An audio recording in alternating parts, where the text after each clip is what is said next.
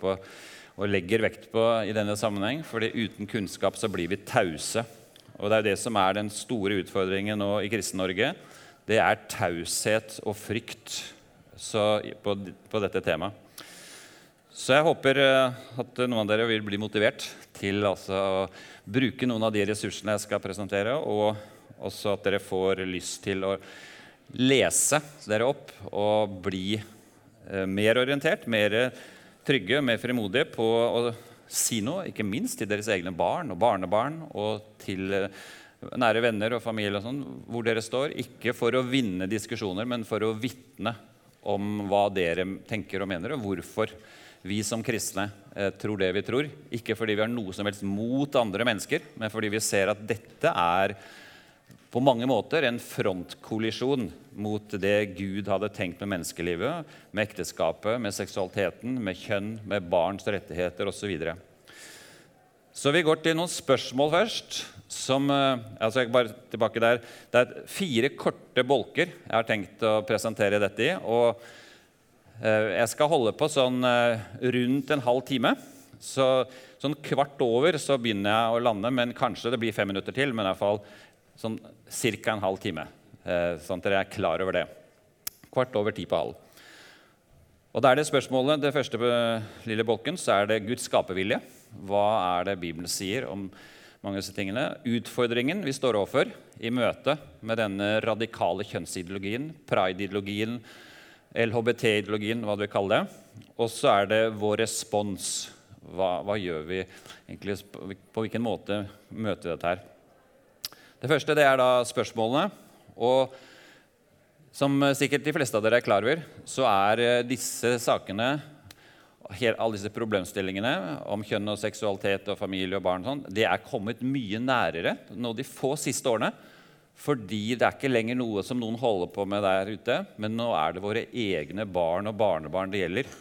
Og Det dreier seg på ingen måte lenger liksom, om homofilispørsmålet, eh, som mange fortsatt snakker om. men det er jo selvfølgelig en del av det, men det er jo bare en bitte liten del av et mye større kompleks.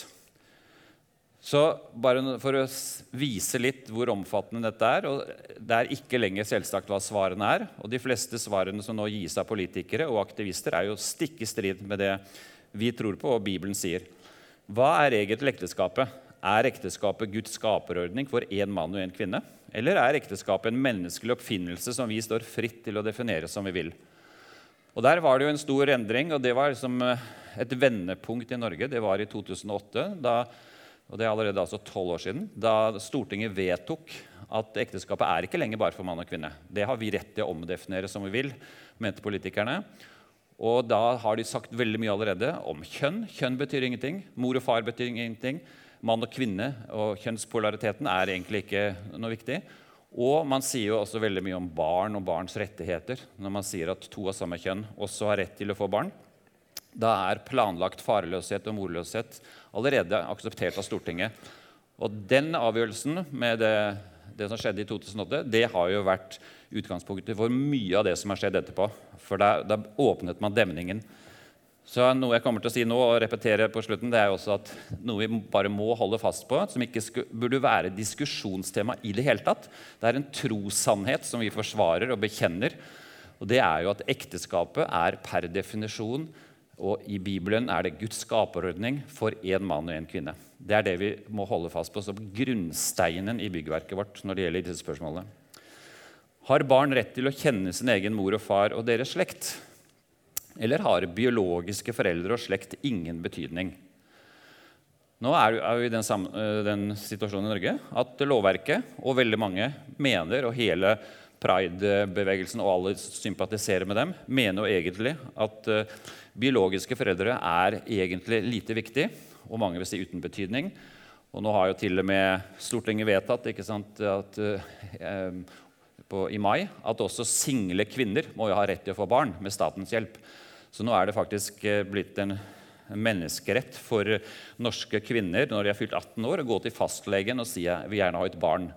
Og så kan de da sette i gang en prosess med å få sæd fra Haugesund eller Rikshospitalet, som er de to norske sædbankene. Så det er bare én variant av dette. Far er overflødig. Han er jo ikke viktig. Far og farsslekten Farfar og farmor og onkler og tanter på den siden de vil barna aldri få noe kontakt med. Men det spiller ingen rolle, for morsslekten er jo like viktig og like bra. kan jo kompensere. Så her er det utrolig mye som har skjedd bare på de tolv årene siden 2008.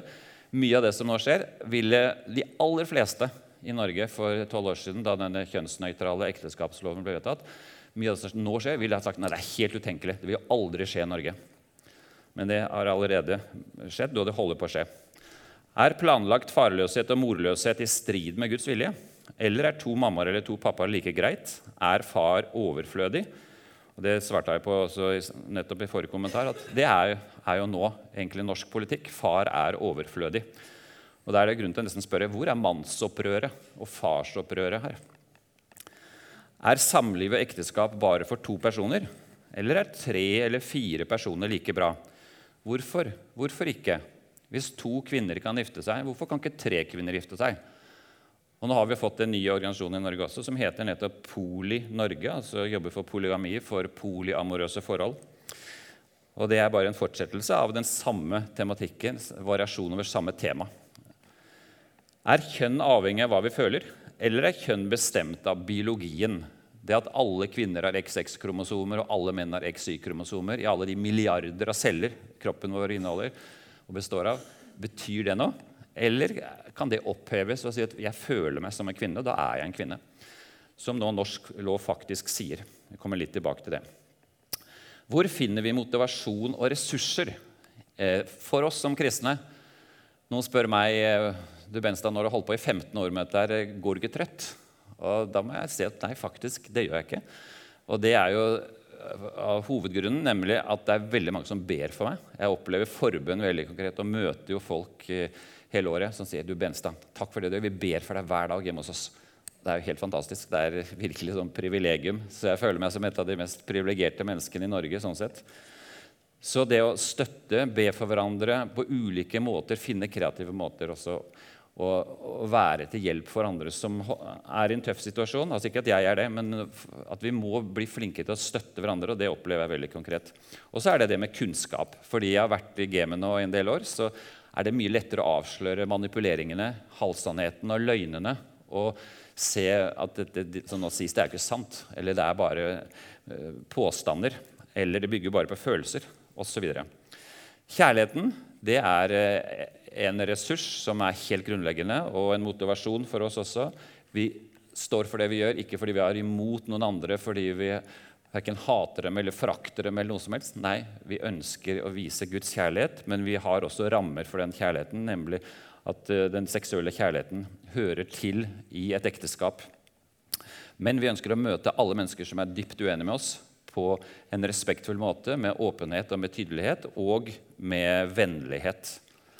Og så er det kallet til å følge Jesus, til å forsvare hans vilje og hans eh, kall til oss. Og så er det konsekvensene, nemlig at dette er mye mye større enn det ofte blir framstilt som. Og det er jo ofte bagatelliserende og overfladisk, mye av det som framstilles som hva det handler om. Så er det jo dette med kunnskap, eh, som jeg allerede har sagt og gjentar. Uten kunnskap så blir vi tause.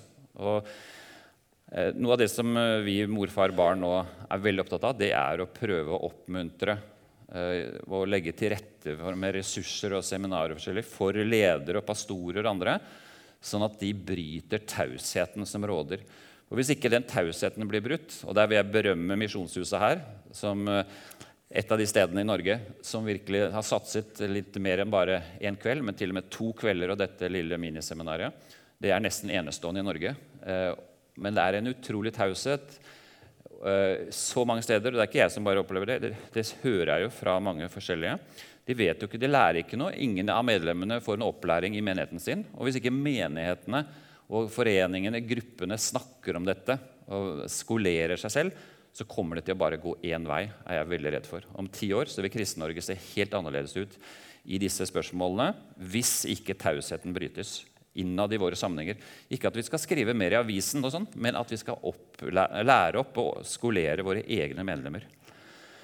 Kampen det er en kamp, dette her. Jeg vil påstå at det er eh, åndskamp på aller høyeste nivå. Det er med på å rokke og ødelegge og dekonstruere det som er Guds eh, primære skaperordning innen menneskelivet, nemlig at ekteskapet, mor-far-barn-relasjonen, barneperspektivet, er helt sentralt. Og det er i fullstendig oppløsning nå. og Derfor så er dette så alvorlig og så dramatisk hvis vi tenker nå 20 år fram og 30 år fram. Hvordan vil Norge være da? Og andre land også. Kraften Vi får kraft underveis. Som kristne har vi den, det utrolige privilegiet at vi kan regne med Gud at han er der, og at vi kan gå til ham. Vi kan bygge på løftene. Vi har forbønnen, vi har Bibelen, og vi har ja, bønnen og nattverden og fellesskapet, brorskapet. De fire b-ene som er kraftkilder. Og så er grunnvollen, både tak og grunnvoll, det er kjærlighet. Vi er nødt til, hvis vi skal nå fram med budskapet vårt, og at folk skal i hvert fall forstå, selv om de på ingen måte bør være enige, men iallfall forstå hvorfor vi mener og tenker som vi gjør, så må kjærlighet være en veldig viktig ingrediens i dette.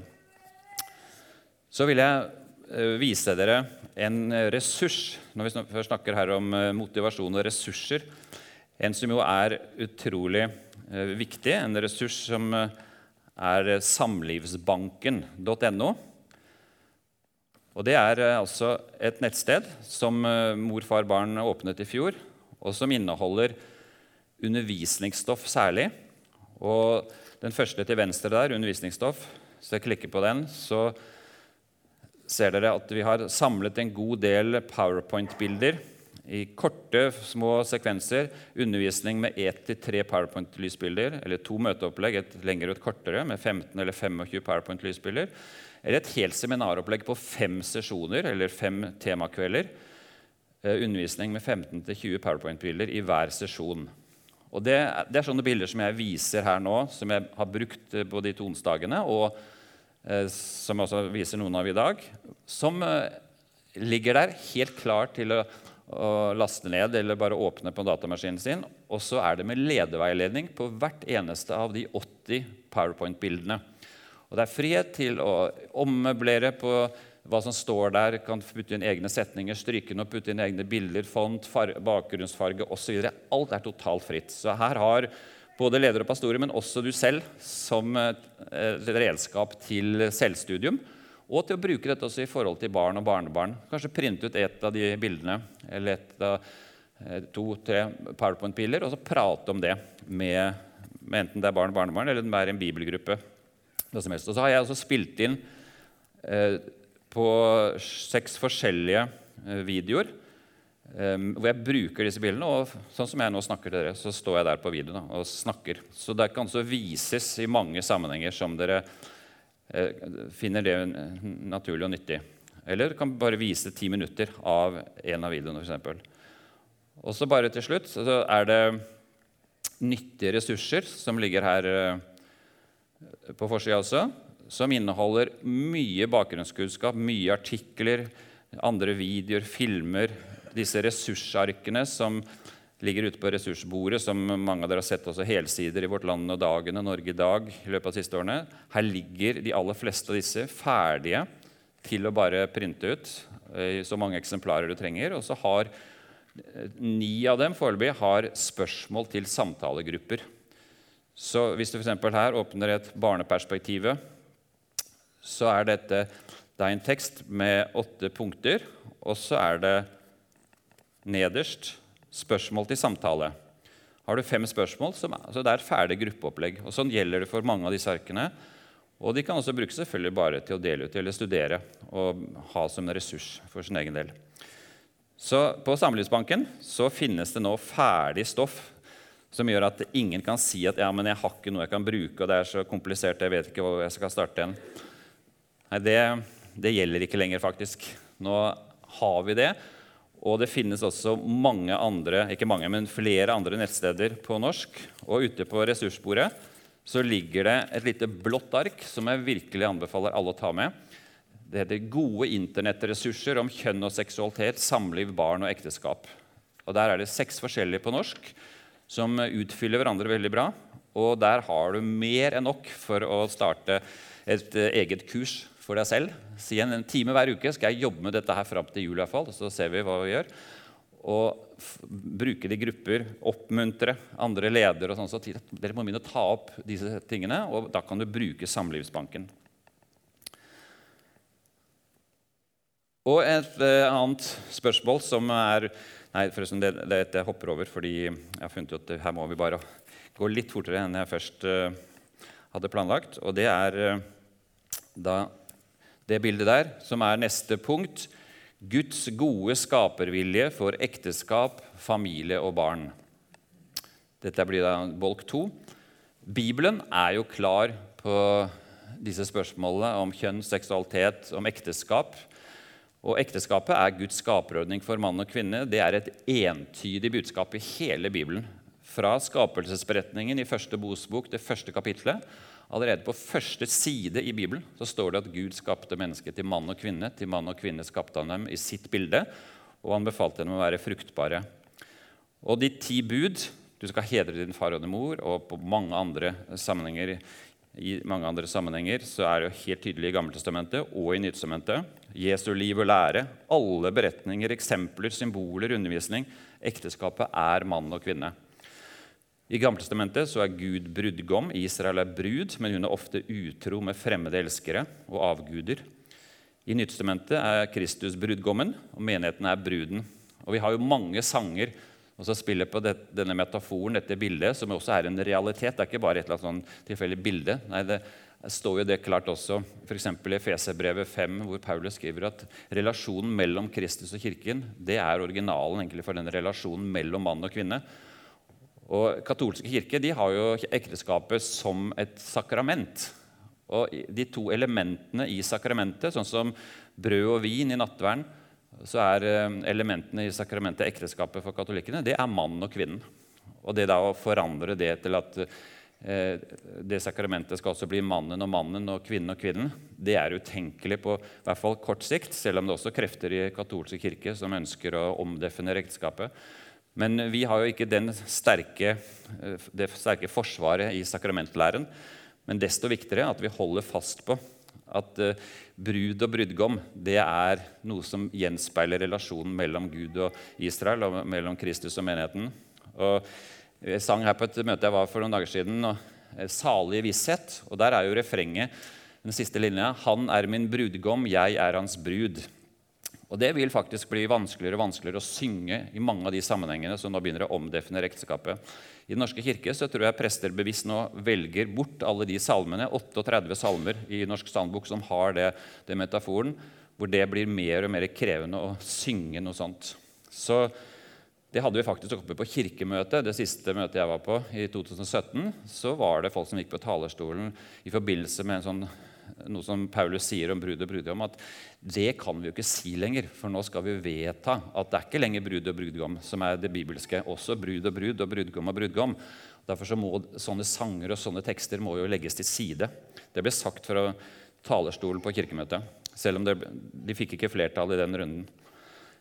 I Gammeltestamentet og Nytestamentet er det konsekvent og samstemt at ekteskapet er for mann og kvinne. Det finnes ikke ett eneste unntak. Og det er jo ganske eh, talen også, fordi ekteskapet er en av de mest felleskirkelige lærepunktene vi har i hele den kristne tro. Alle kristne kirker gjennom 2000 år har vært enige i det, og fortsatt er nesten alle kirker i verden enige om det. Det er bare 2-3% av de som er kristne i dag i verden, som tilhører kirker som har omdefinert ekteskapet. Og Vi er blant dem, da, de 2-3% Men det er 97% i hvert fall, som tilhører kirker som ikke har gjort det. Så om vi føler oss litt minoritet her i Norge, så er vi i hvert fall ikke det i verdenssammenheng. Og det har sin gode grunn også i det at det er bare så tydelig i Bibelen at ekteskapet er for mann og kvinne. Og En kort, liten presentasjon som er pedagogisk eh, synes jeg i hvert fall litt artig, og som viser hvor mye man kan få ut av dype teologiske lærepunkter i ett eneste vers. Det er det som står i skapelsesberetningen i rød skrift der. Derfor skal mannen forlate sin far og sin mor og holde fast ved sin kvinne, eller sin hustru, som det også står i andre oversettelser. Og de to skal være én kropp, eller ett legeme. Det er en mann, altså en voksen, selvstendig person, ikke barn og barnebruder og den slags. Det er forlate, det er et oppbrudd, det er en ny livsfase, en ny lojalitet. Min nærmeste person, det er ikke eh, mor og far, men det er min ektefelle.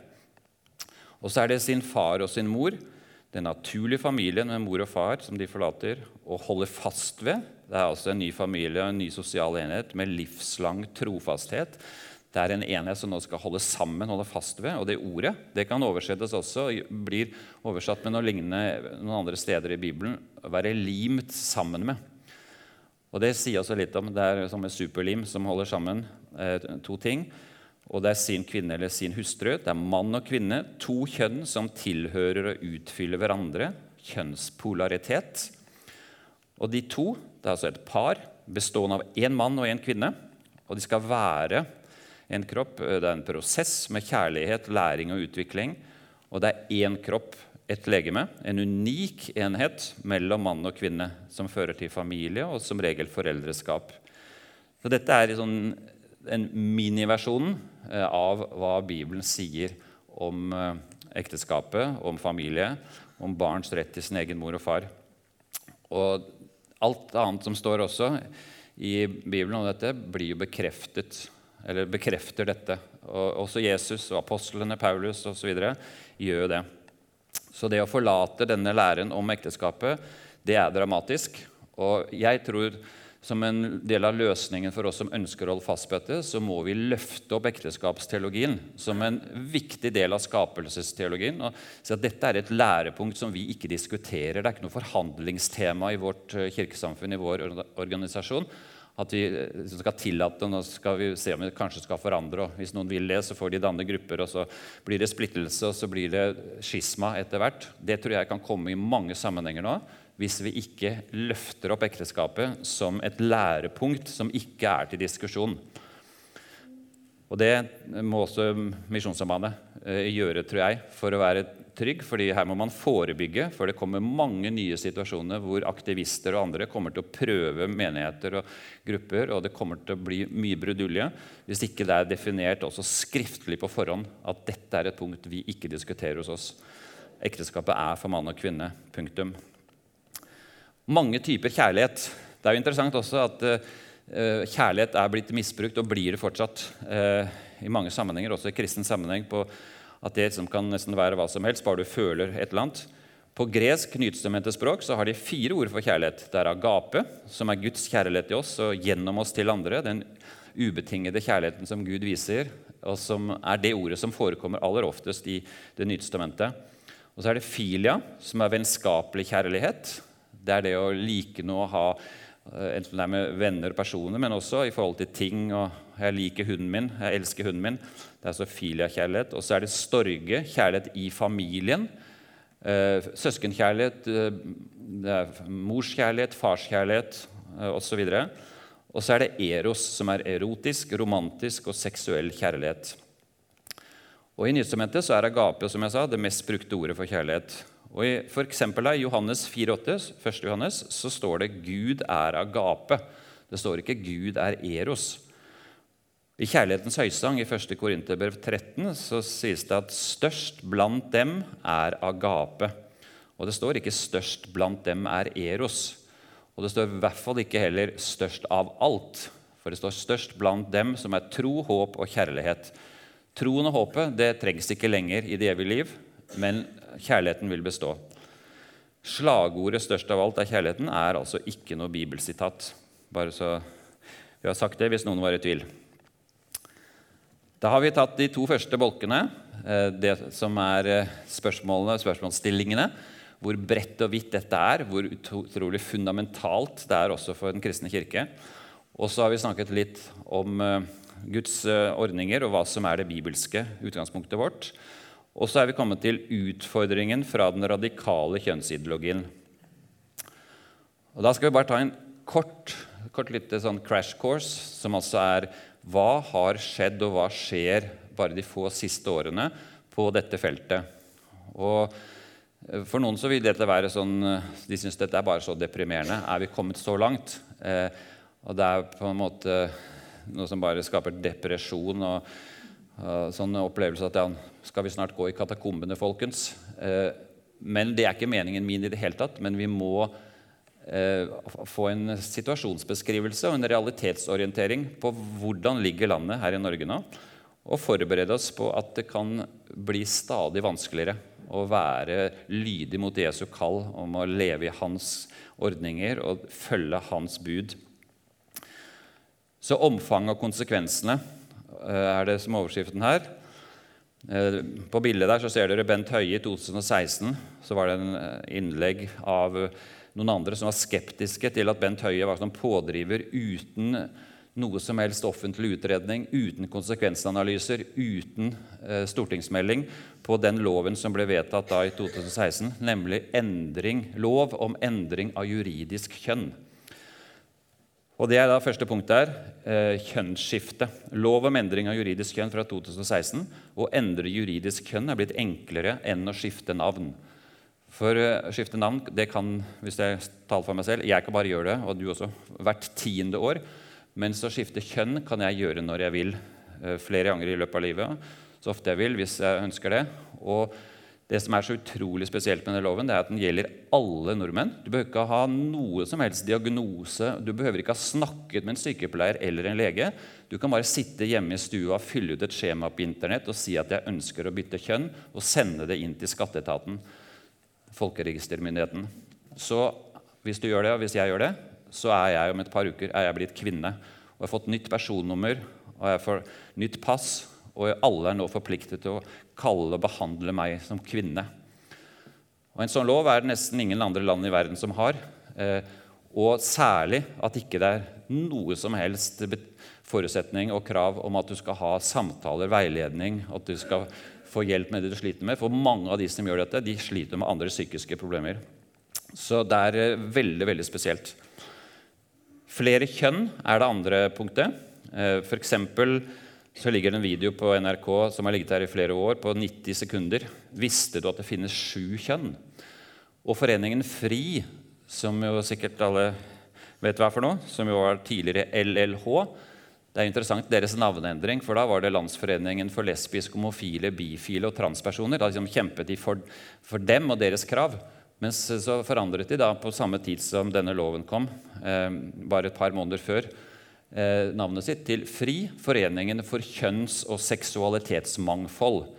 De har vunnet mange seire, nå, og ikke bare de sånn, alene, men altså samfunnet endrer seg så mye at det er mye som ikke behøver nå å eh, lenger liksom, bruke tid og krefter på. Nå skal de forandre Norge. Nå er det kjønns- og seksualitetsmangfold som skal ned i skolen og barnehagene, som skal prege samfunnet. Altså kjønnsmangfold. Det finnes mange kjønn, og det står jo i deres politiske plattform. Det finnes et mangfold av kjønn. De sier ikke om det er 7 eller 17 eller 25, men det finnes mange kjønn. Og det eh, finnes mange seksualiteter, mange måter. I hvert fall 100 måter, hvis man tenker kjønnsidentitet som et eksempel på hva seksualiteter er. så finnes det altså dusiner på dusinvis av seksualitetsmangfold. Og alle er like gode, like bra, like bærekraftige, like barnevennlige i denne ideologien. For det finnes ikke enorme unntak lenger. Alt er nivellert til samme nivå. Og Hvis noen, en lærer eller barnehagelærer nå sier at det nok er best for barn å vokse opp med sin egen mor og far, så er det tilnærmet ulovlig nå. Og Hvis en, en gutt eller jente på på fem år sier i, klassen, i barnehagen der at ja, men jeg syns det er best av mamma og pappa. Det tror jeg er beste. Hysj, må ikke si sånn. Det er stygt. Så vi lever i et samfunn sant, som er blitt fullstendig sånn, eh, etisk relativistisk, hvor det er ikke lov lenger å si at noe er bedre enn noe annet, for da er du intolerant og fordømmende, ukjærlig. Ja, du, er, du har alle tegn på å være en mørkemann og en mørkekvinne. Selv om jeg syns mørkemann er et interessant ord. for Hvis du parallellfører det med brannmann Brannmenn setter ikke på branner, han slukker branner. Og en mørkemann slukker mørket, han kommer med lyset.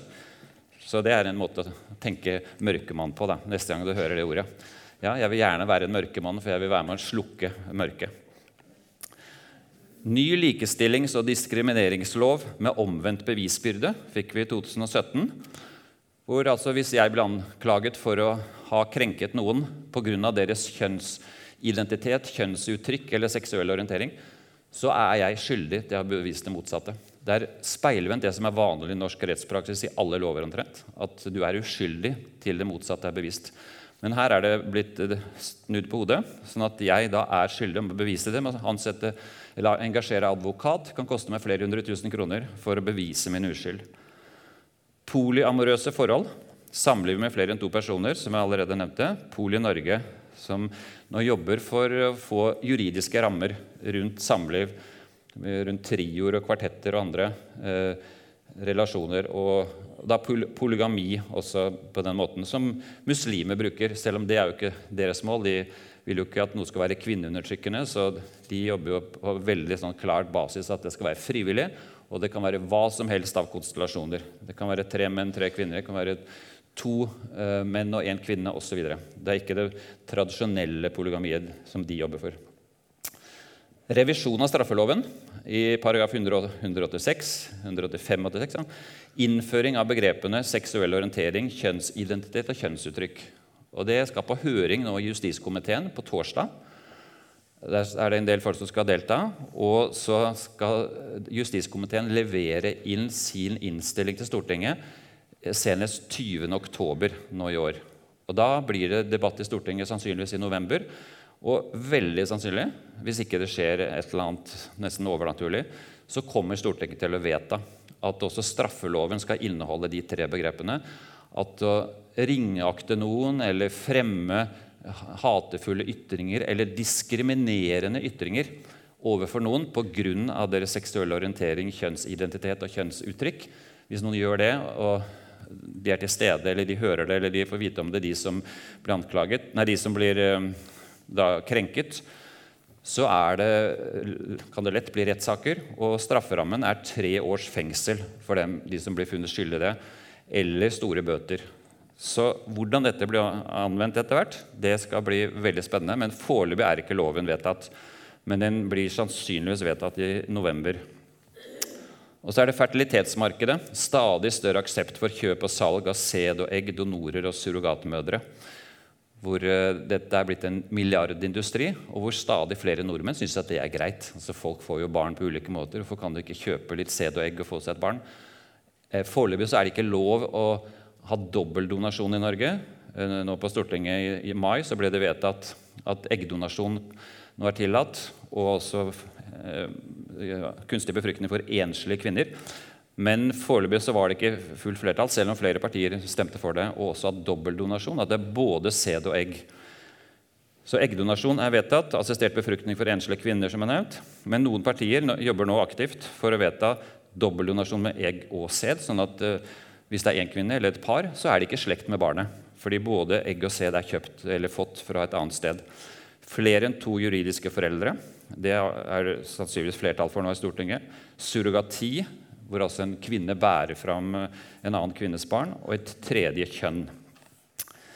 Så dette er noen av de tingene som eh, nå, nå skjer, og som har skjedd, og som eh, jo er et eksempel på det som Foreningen FRI har som sin agenda og sitt budskap, nemlig ja til alt. Budskapet fra Foreningen FRI og Pride-paradene er et ja til grenseløs seksualitet så lenge den er frivillig mellom likeverdige personer over 16 år. Budskapet har bl.a. følgende innhold.: Ja til alle typer seksuelle handlinger og relasjoner, utprøving og praksis, så lenge det er mellom voksne over 16 år og frivillig. Ja til mange kjønn og til flere titalls kjønnsidentiteter og kjønnsuttrykk. Ja til sex og samliv mellom flere enn to personer. De støtter foreningen Pol Poli Norge. Ja til surrogati. Det er, de som, det er ikke så mange ennå av partiene som har vedtatt det, men eh, FRI er veldig for det. Ja til planlagt farløshet og morløshet. Ja til oppløsning av biologiens betydning for familier og slekt, barn og samfunn. Og for Foreningen FRI så er det da et klart nei til mor-far-barn-relasjonens særstilling og unike betydning. Et viktig mål og et skjellsord, nærmest, et sånt fy-ord i hele denne pride-ideologien, er jo heteronormen. At det skulle være noe spesielt med mann og kvinne, med mor og far. Det er jo bare så avleggs og så, så intolerant at det, det tør jo ikke noen si lenger at de støtter heteronormen.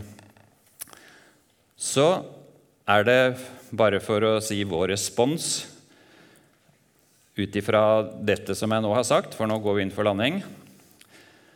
For det første, Vi må møte denne radikale kjønnsideologien, som ikke bare Foreningen FRI står for, men som store deler av Stortinget står for, og store deler av kulturen vår nå står for.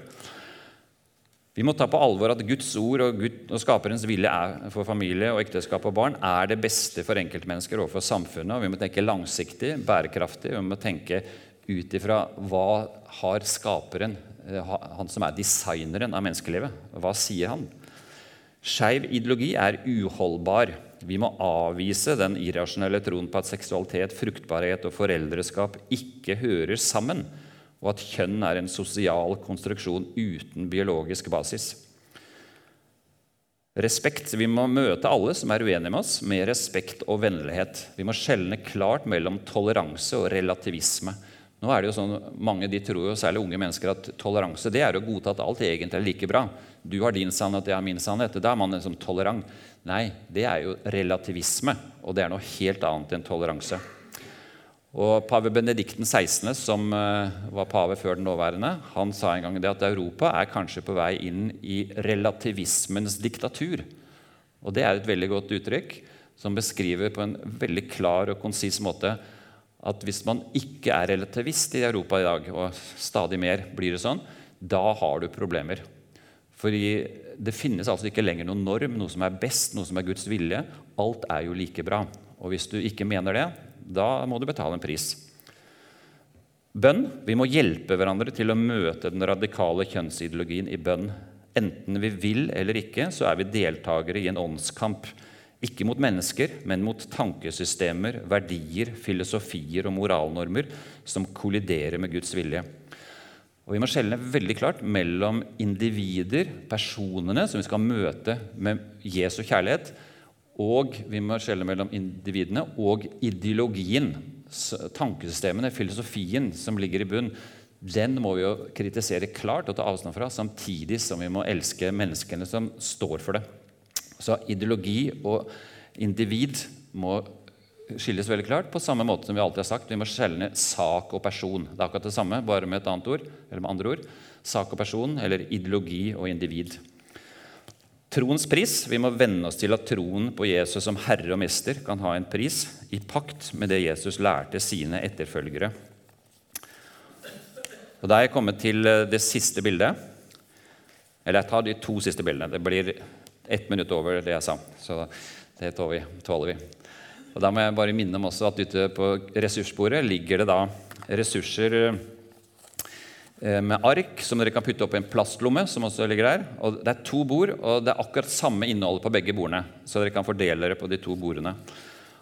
Så ligger det en, et gult ark hvis noen vil være på mailinglista vår. Få noen inspirasjons- og informasjonsmailer av og til. Det er vi i ferd med å ruste opp nå. Eh, og da kan dere skrive navnet og e-postadressen deres. Så ligger det en veldig god bok av Espen Ottosen bare for å vise at den er nå kommet i nytt opplag, den som heter 'Mine homofile venner'. Nå har den også et tillegg på 40 sider som er veldig bra, av Bjørn Helge Sandvei. Han skriver, han har vært på MF i 40 år og undervist gresk og er en veldig stor kjenner av gresk kultur, språk og historie, og som også selv har homofile følelser. Og han skriver da veldig nyttig, sannsynligvis det beste som finnes på norsk, om hva sier Det nye testamentet om disse tingene. Så boka er verdt sin fulle pris bare eh, på grunn av det essayet på slutten der. I tillegg får du da mye annet flott stoff også. Så den heter 'En annerledes vei', og den får du på Vivo. Men så har jeg to bøker som jeg deler ut gratis. Eh, fordi vi syns de er så viktige og vil gjerne spre dem. 'Normløst' av Kjell Skartveit en tykk bok, men eh, den har en veldig detaljert innholdsfortegnelse, så man kan bruke den som oppslagsbok og bare starte der du er mest interessert. Og den gir et veldig godt overblikk over hva som har skjedd, og hva som holder på å skje i Norge i dag, og hvorfor det har skjedd. Så dette er virkelig en ressursbok av de sjeldne, og den gir vi bort gratis. Men så står det inni på et ark eh, at dette er en gave fra Stiftelsen Mor for barn. Dersom du har lyst til å støtte arbeidet vårt, kan du sende et bidrag til eh, kontoen vår. Så det, det, er du fullt fri til, men vi set, har ikke noe oversikt over hvem som har fått boka, hvem som gir. Så du får den gratis, men kan hvis du har lyst sende en, en gave til arbeidet vårt.